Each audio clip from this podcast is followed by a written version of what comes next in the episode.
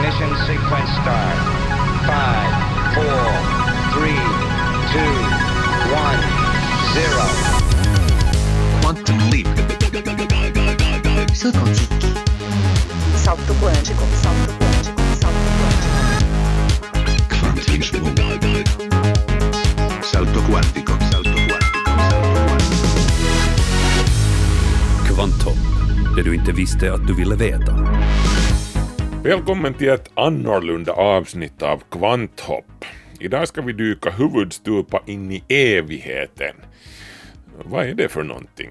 Evigheten, som religionerna talar om. Vad säger vetenskapen?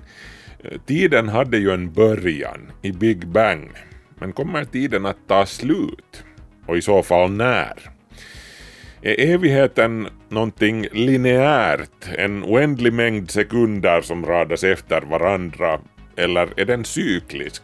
Tar alltihop slut bara för att börja på nytt i en ny Big Bang kanske? Och vad är tid egentligen?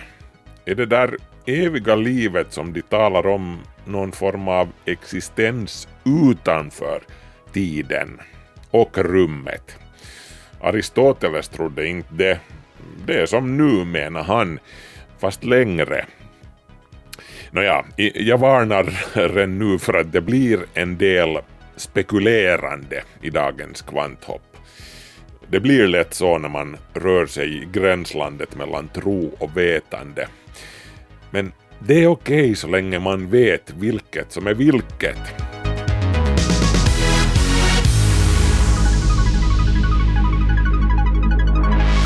Välkommen till Kvanthopp. Jag heter Markus Rosenlund.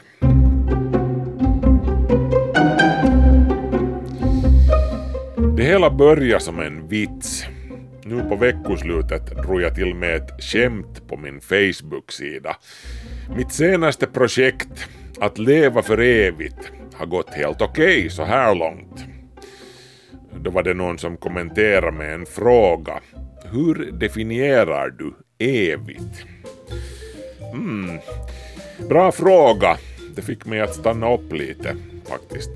Det här är onekligen en fråga som säkert både en och annan av oss har haft gott om tid att fundera på så här i corona-isoleringen då sekunder ofta har känts som minuter och minuter som timmar och så vidare. Jag svarar med den definition på evighet som jag fick lära mig i skolan. Så här går den.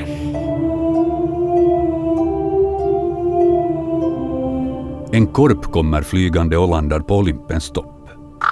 Den hackar en enda gång med näbben på bergstoppen och flyger sedan bort. Om tusen år kommer den tillbaka och upprepar samma procedur. Den hackar en enda gång med näbben på bergets topp varefter den flyger bort. Det hela upprepas igen om tusen år. Och så vidare. Och så vidare. När hela berget till slut har slitits ned till grunden av korpens näbb, då har evighetens första timme förflutit.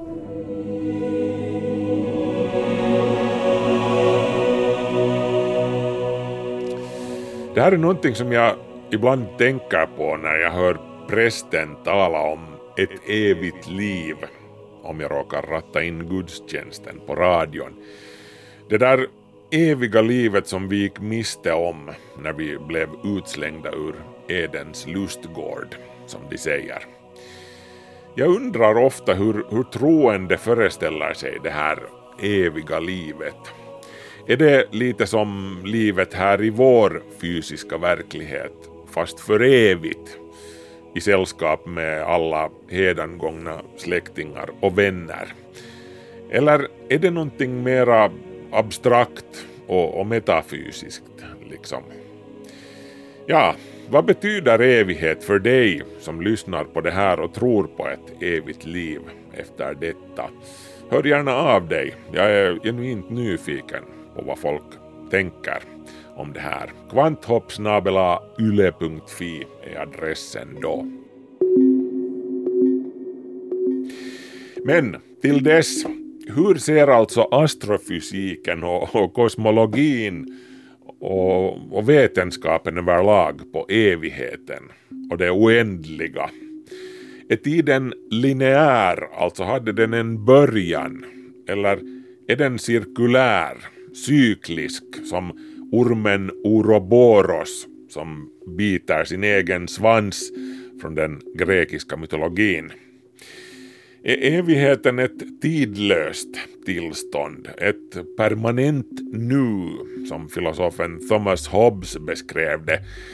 Eller är den som sagt bara en oändlig mängd sekunder, minuter och, och timmar radade efter varandra?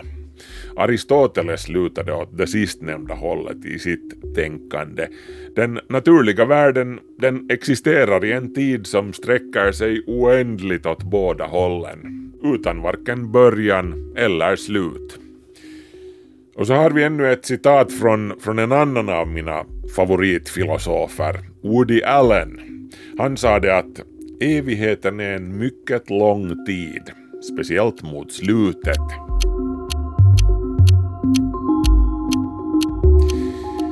E Är evigheten ens någonting som naturvetenskapen borde befatta sig med eller hör det mera till filosofins och religionens domäner? Innan vi går in på det här, på, på evigheten som begrepp, måste vi definiera tid. Vår syn på tiden har förändrats otroligt mycket under århundradenas lopp. Förr sågs tiden som någonting universellt och oföränderligt. Den moderna naturvetenskapens grundare Sir Isaac Newton han tänkte sig verkligheten i stil med ett stort urverk där tid och rum är kugghjul liksom som, som tickar på oberoende av någon betraktare. Tiden är någonting objektivt och absolut som man bara kan förstå med hjälp av matematiken. Med andra ord så är den absoluta tiden utom räckhåll för våra sinnen, menade Newton. Tiden flödar på genom universum i en oföränderlig takt, vad vi än gör eller tänker om saken. Vi människor är, bara kapabla att uppfatta den relativa tiden genom indirekta observationer, till exempel av himlakropparnas rörelser. Solen, månen och planeterna, de antyder tidens avancemang för oss, men de är alltså bara representationer av någonting större, eh, någonting som för evigt är utanför vårt räckhåll. Och samma gäller ju sen för rummet. Enligt Newton är också det absoluta rummet fast och orubbligt. Och inte heller det här är vi människor kapabla att observera direkt. Vi kan bara uppfatta vår egen relativa position i förhållande till andra objekt. Så för att sammanfatta Newtons syn på tid och rum, den absoluta tiden är, precis som det absoluta rummet, någonting oföränderligt och evigt.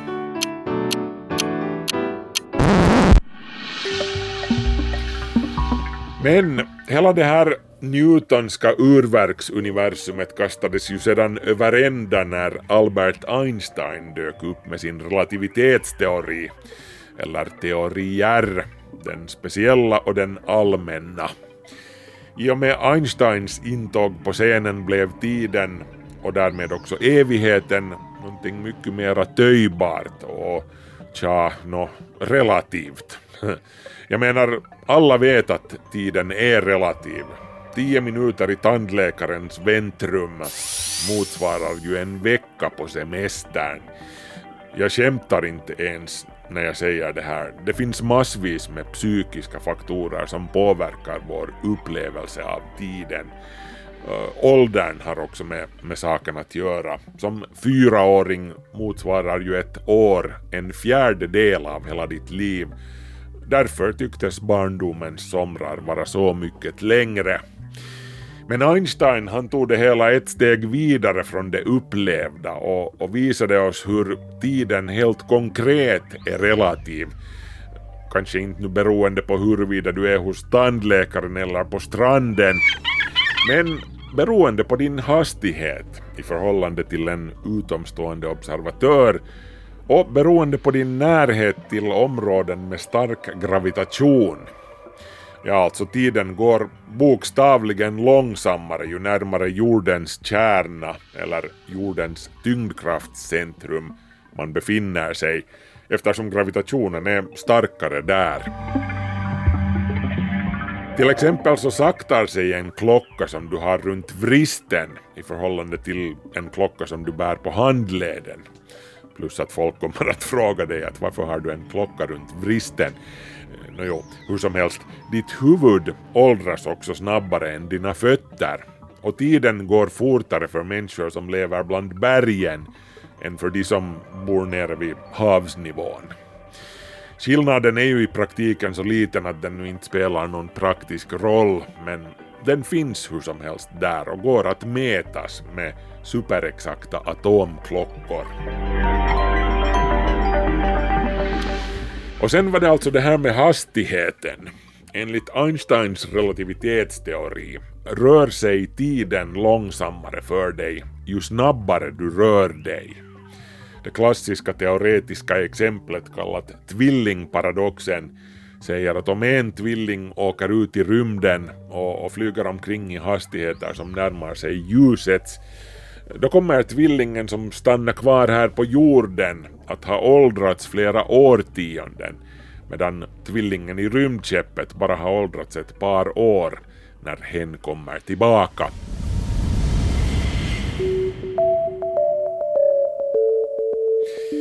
Lite slarvigt kan man sammanfatta Einsteins tankar som att tid och rum är ihopblandade i en flod kallad rumtid ett begrepp som myntades av den tyske matematikern Hermann Minkowski.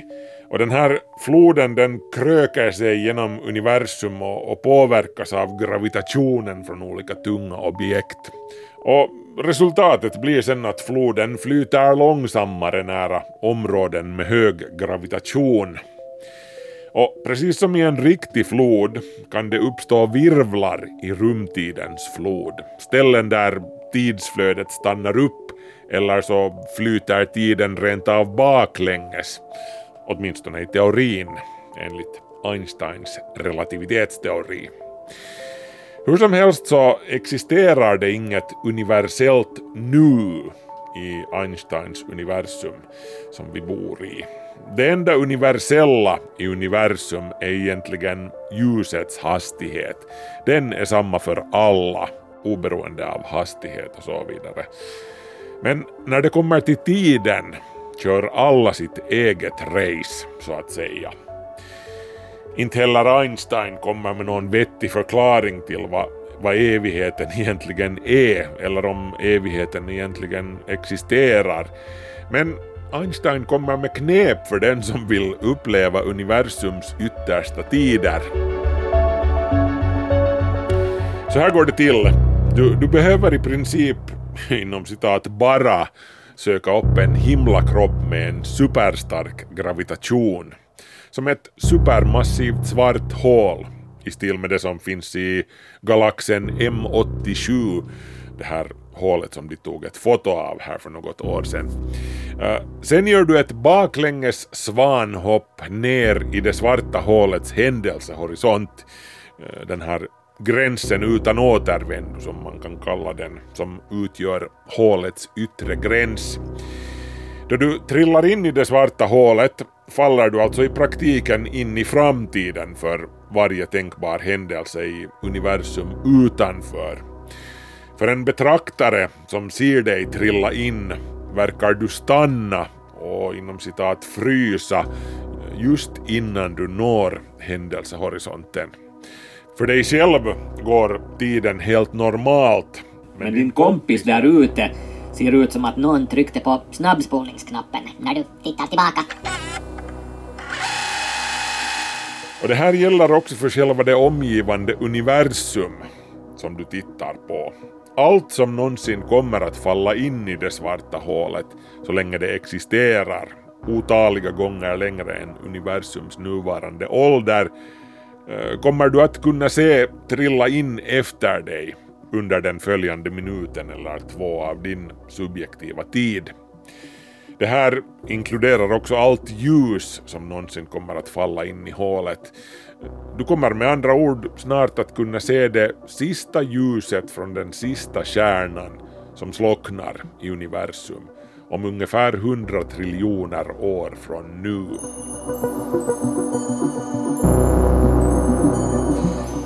Nå, det här är ju förstås bara science fiction spekulationer i praktiken, också om det i teorin kunde gå till så här.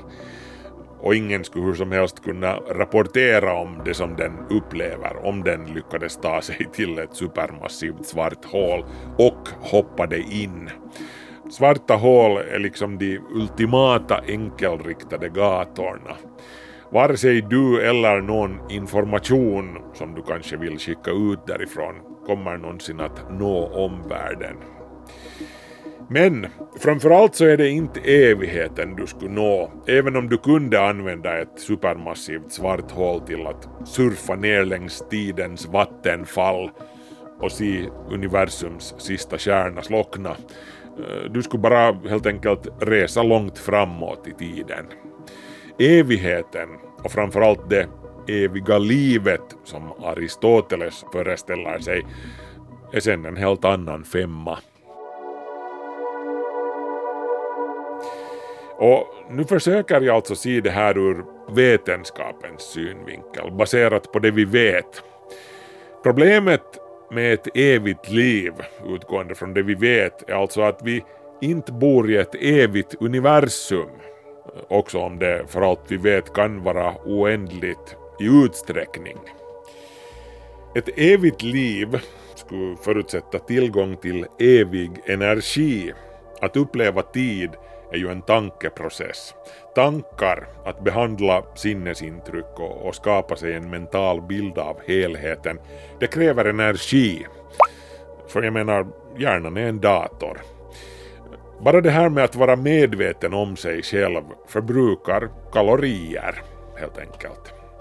När vi tänker förbrukar vi alltså en liten bit av den tillgängliga fria energin i universum som det ännu tills vidare finns gott om. Vi gör inte oss av med den helt och hållet för, för energi kan inte förstöras.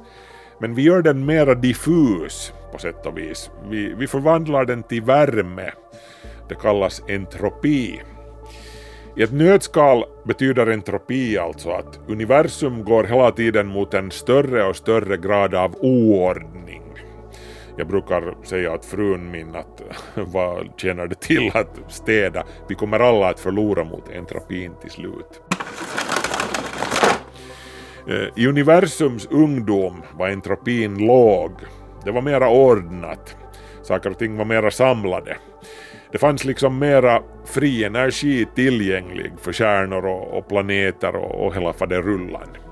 Men eftersom tiden har gått har entropin ökat universum. Den tillgängliga inom citat fria energin minskar och övergår allt mer till värme. Inte så att det skulle bli varmare i universum, tvärtom. Eh, värmeenergin sprids ut allt mera i, i takt med att universum utvidgas. Den urvattnas liksom. Just nu finns det stjärnor och planeter och, och träd och bord och ekorrar och du och jag. Vi existerar. På det viset är det en prima tid att vara vid liv för det finns liksom möjligheter till existens och till tankar och allt det där. Vi befinner oss tidsmässigt fortfarande i den så kallade kärnbildande eran, universums gyllene era, Stelliferous Era som det heter på engelska. Den inleddes cirka 100 miljoner år efter Big Bang. Eh, det här betyder alltså att nya stjärnor fortfarande tänds i mörkret omkring oss. Så här kommer det att fortsätta ännu i uppemot 100 000 miljarder år eller så. Den siffran motsvarar alltså ungefär alla bokstäver i, i samtliga böcker som någonsin har getts ut sedan Gutenbergs tid.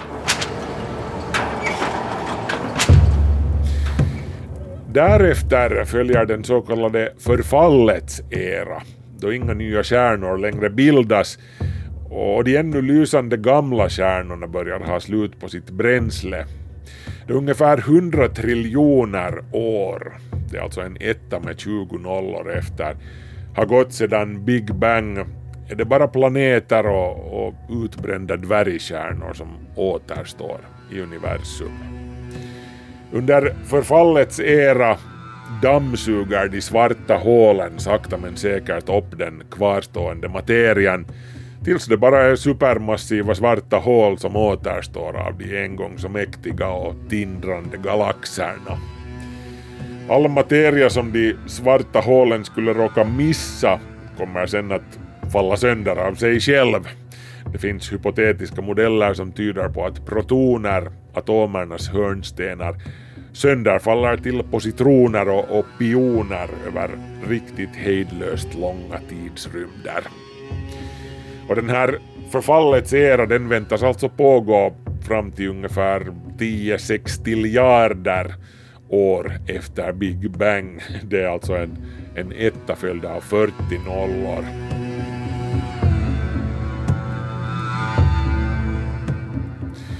Då förfallets era är, är över, då har allt utom de svarta hålen klappat ihop för gott och den sista protonen har sönderfallit.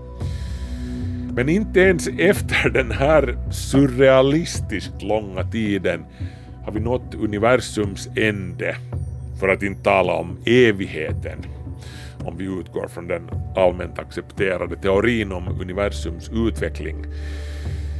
Efter förfallets tid följer nämligen nästa era, den så kallade svarta hålens era, som inte är mycket muntrare än sin föregångare, kan man säga. Den här eran den pågår fram till omkring en Google år efter Big Bang. En Google, det är alltså en etta fylld av hundra nollor. Det här motsvarar ungefär antalet sandkorn som skulle rymmas i hela universum gånger 10 miljarder. Under den här tiden är det som namnet säger bara svarta hål som återstår.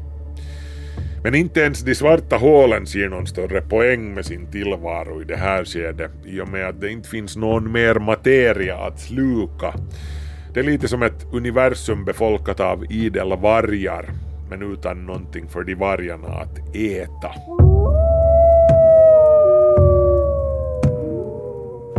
Så till slut kommer också de svarta hålen att ånga bort genom den så kallade Hawking-strålningen. Det här alltså efter obegripligt långa tidsrymder som vem som helst av oss skulle vara helt okej okay med att kalla en evighet, bokstavligen. Fast det är inte en evighet. Det är fortfarande bara en helt oerhört lång tid. Och när de sista svarta hålen till slut är borta, då är det enda som återstår en jämn, tjock, mörk och kall gröt av otroligt utspridd diffus värmestrålning. Maximal entropi råder då, säger man. Man talar om universums värmedöd.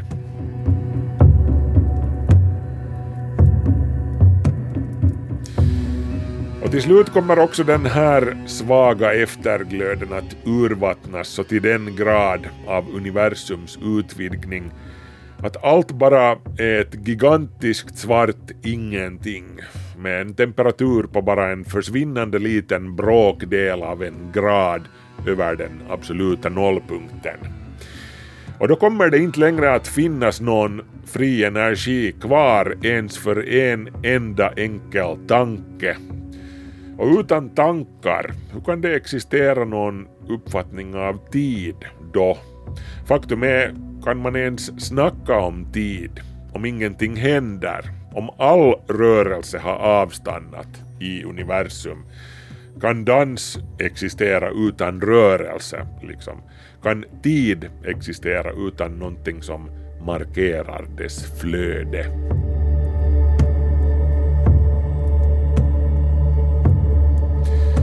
Ja, bra fråga. även om jag säger det själv. Eh, men då måste man kanske fråga en filosof vad det här med existens egentligen är. Om ett träd faller i skogen, ni vet den här gamla filosofiska frågan, och ingen hör när det trädet faller, har det då något ljud? Om ett mörkt och kallt universum existerar där ingenting händer, har det då någon tid? Det är som en söndag förmiddag i Helsingfors i november, fast längre. Och kanske, bara kanske, vad vet jag, är det här evigheten. År efter år, eller vad säger jag, inte kan man ju tala om år när ingenting finns som, som markerar årens gång. Teorin om universums ultimata värmedöd som jag alltså nyss hänvisade till här, Big Chill kallas den, är den som har det största stödet hos forskarna just nu när det kommer till de olika teorierna om universums öde i framtiden. Men det är ju inte nödvändigtvis hur det hela kommer att utspela sig sist och slutligen. Eh, det kan ju hända att det hela kommer att gå helt annorlunda, att, att tiden till exempel är, är cyklisk trots allt. Att allt börjar om från början, att vår Big Bang varken var den första eller den sista. Ormen Ouroboros som biter sin egen svans och så vidare. Eh, ja, alltså Ouroboros härstammar ursprungligen från Egyptens symbolvärld men den, den blev anammad av den grekiska mytologin och känd den vägen. Ouroboros symboliserar liksom evigheten. Den, den är en orm som slukar sin egen svans. Eh, med andra ord, den både dödar sig själv och föder sig själv samtidigt. Och så bildar den ju en cirkel, symbolen för evigheten. Allting går runt och runt och runt. Nå, men också om allting visar sig vara ett enormt kretslopp så innebär det ju långt ifrån att vi, vi snackar om någonting som ens närmar sig evigheten. Trots allt så är en universumcykel, vad det nu sen är, om den räcker ska vi säga en Google-år, bara en refräng i evighetens oändliga sång. Och också om universum är cykliskt eller om vi på något vis lyckas kringgå universums värmedöd, sådär som Big Chill-teorin säger, eh, så tar inte utmaningarna med ett evigt liv slut där.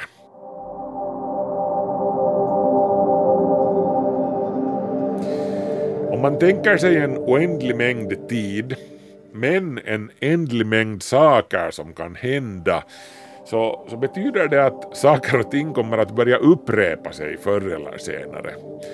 Om universum är evigt och lyckas undgå värmedöden så har allt redan hänt tidigare. Du har existerat förr och kommer att existera igen oändligt många gånger. Det är en matematisk oundviklighet om man får tro vissa forskare.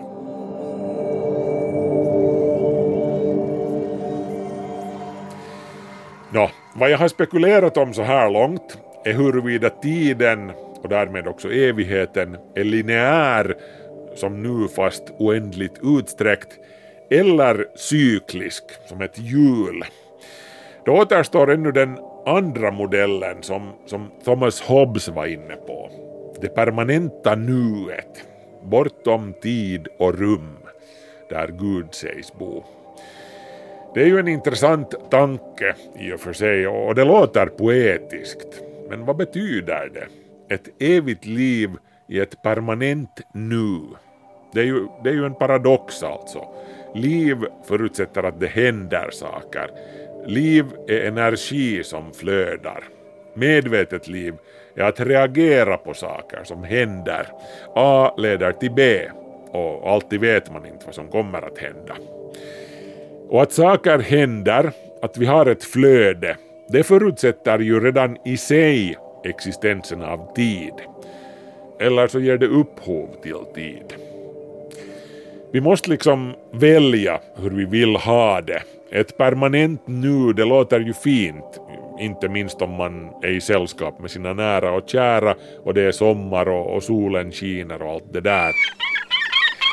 Men om det inte finns ett flöde från A till B eller från B till A, vad vet jag, då är det ju bara ett stilleben. Evigt må hända, men ett stilleben hur som helst. Vem vill tillbringa evigheten i en målning?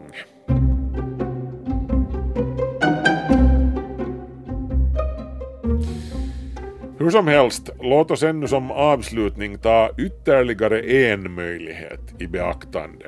Tänk om allting varken är miljoner miljarder år av tid eller cirkulära kretslopp. Eh, tänk om allting bara är en hjärna i tomma rymden som inbillar sig allt det här. Inbillar sig dig och mig. Kort sagt en Boltzmann-hjärna. Naturen är ju som vi vet sparsam och, och bra på att hushålla med saker. Den gör inte saker i onödan.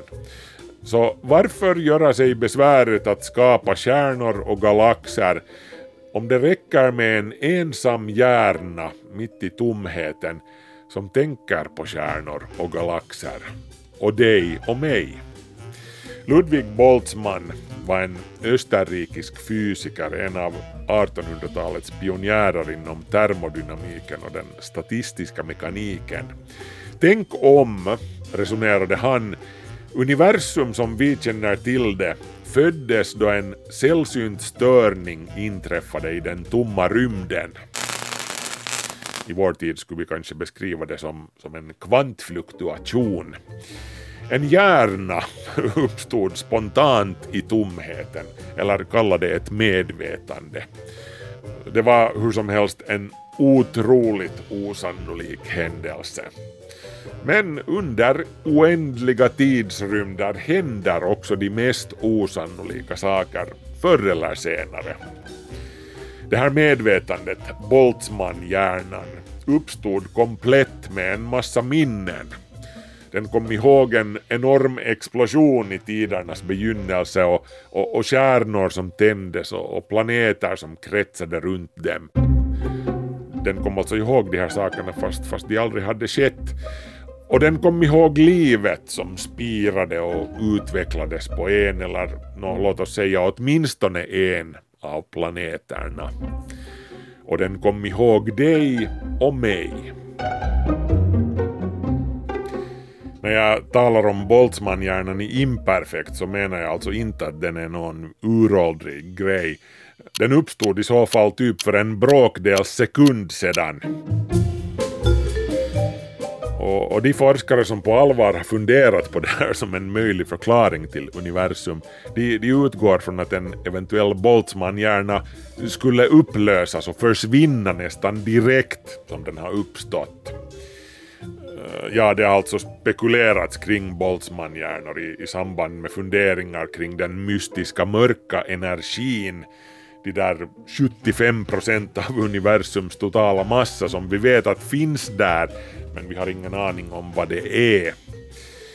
Nåja, i alla fall, värst många forskare finns det knappast som på allvar tror att vi och hela universum är en fantasi inuti ett supertemporärt, spontant uppkommet medvetande i tomheten, en Boltzmann-hjärna. Men medge nu att tanken är lite fascinerande i alla fall. Och i så fall skulle ju problemet med evigheten lösa sig själv. Liksom också problemet med hur vi kom hit. För vi och alla våra minnen, allt vi tror att vi har sett och upplevt, är bara en blixtsnabb glimt. En dröm som Boltzmann-hjärnan drömmer innan den upplöser sig tillbaka till intet, lika kvickt som den uppstod.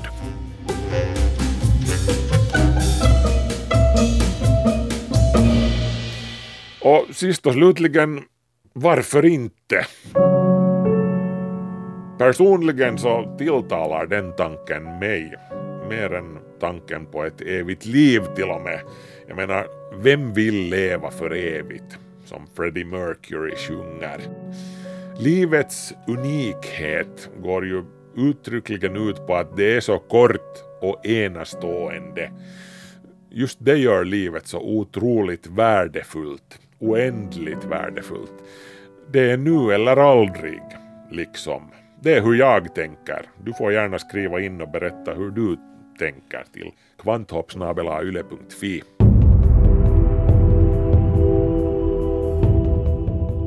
Nå, hur som helst. Kanske det är det här som gör gudarna så irriterade och aggressiva rent av ibland. De är avundsjuka på oss dödliga människor för att vi får göra någonting som de aldrig kan göra, sin allsmäktighet till trots. Vi får dö, upphöra existera. Vi slipper evigheten. Nåja, vad vet jag. Jag sa ju i början att det här avsnittet blir lite spekulativt stundvis. Men jo, eh, vi kan ju ännu ge sista ordet, eller de sista ordena, åt mina favorittänkare Albert Einstein och eh, Woody Allen. Eh, det slår aldrig fel med de två. Albert Einstein sa så här om tiden. Tiden är helt enkelt universums sätt att se till att allting inte händer på en och samma gång. Och Woody Allen han sa så här om döden. Döden, jag är inte rädd för döden. Jag vill bara inte vara där när det händer. Well, that's about it for me, folks. Goodbye.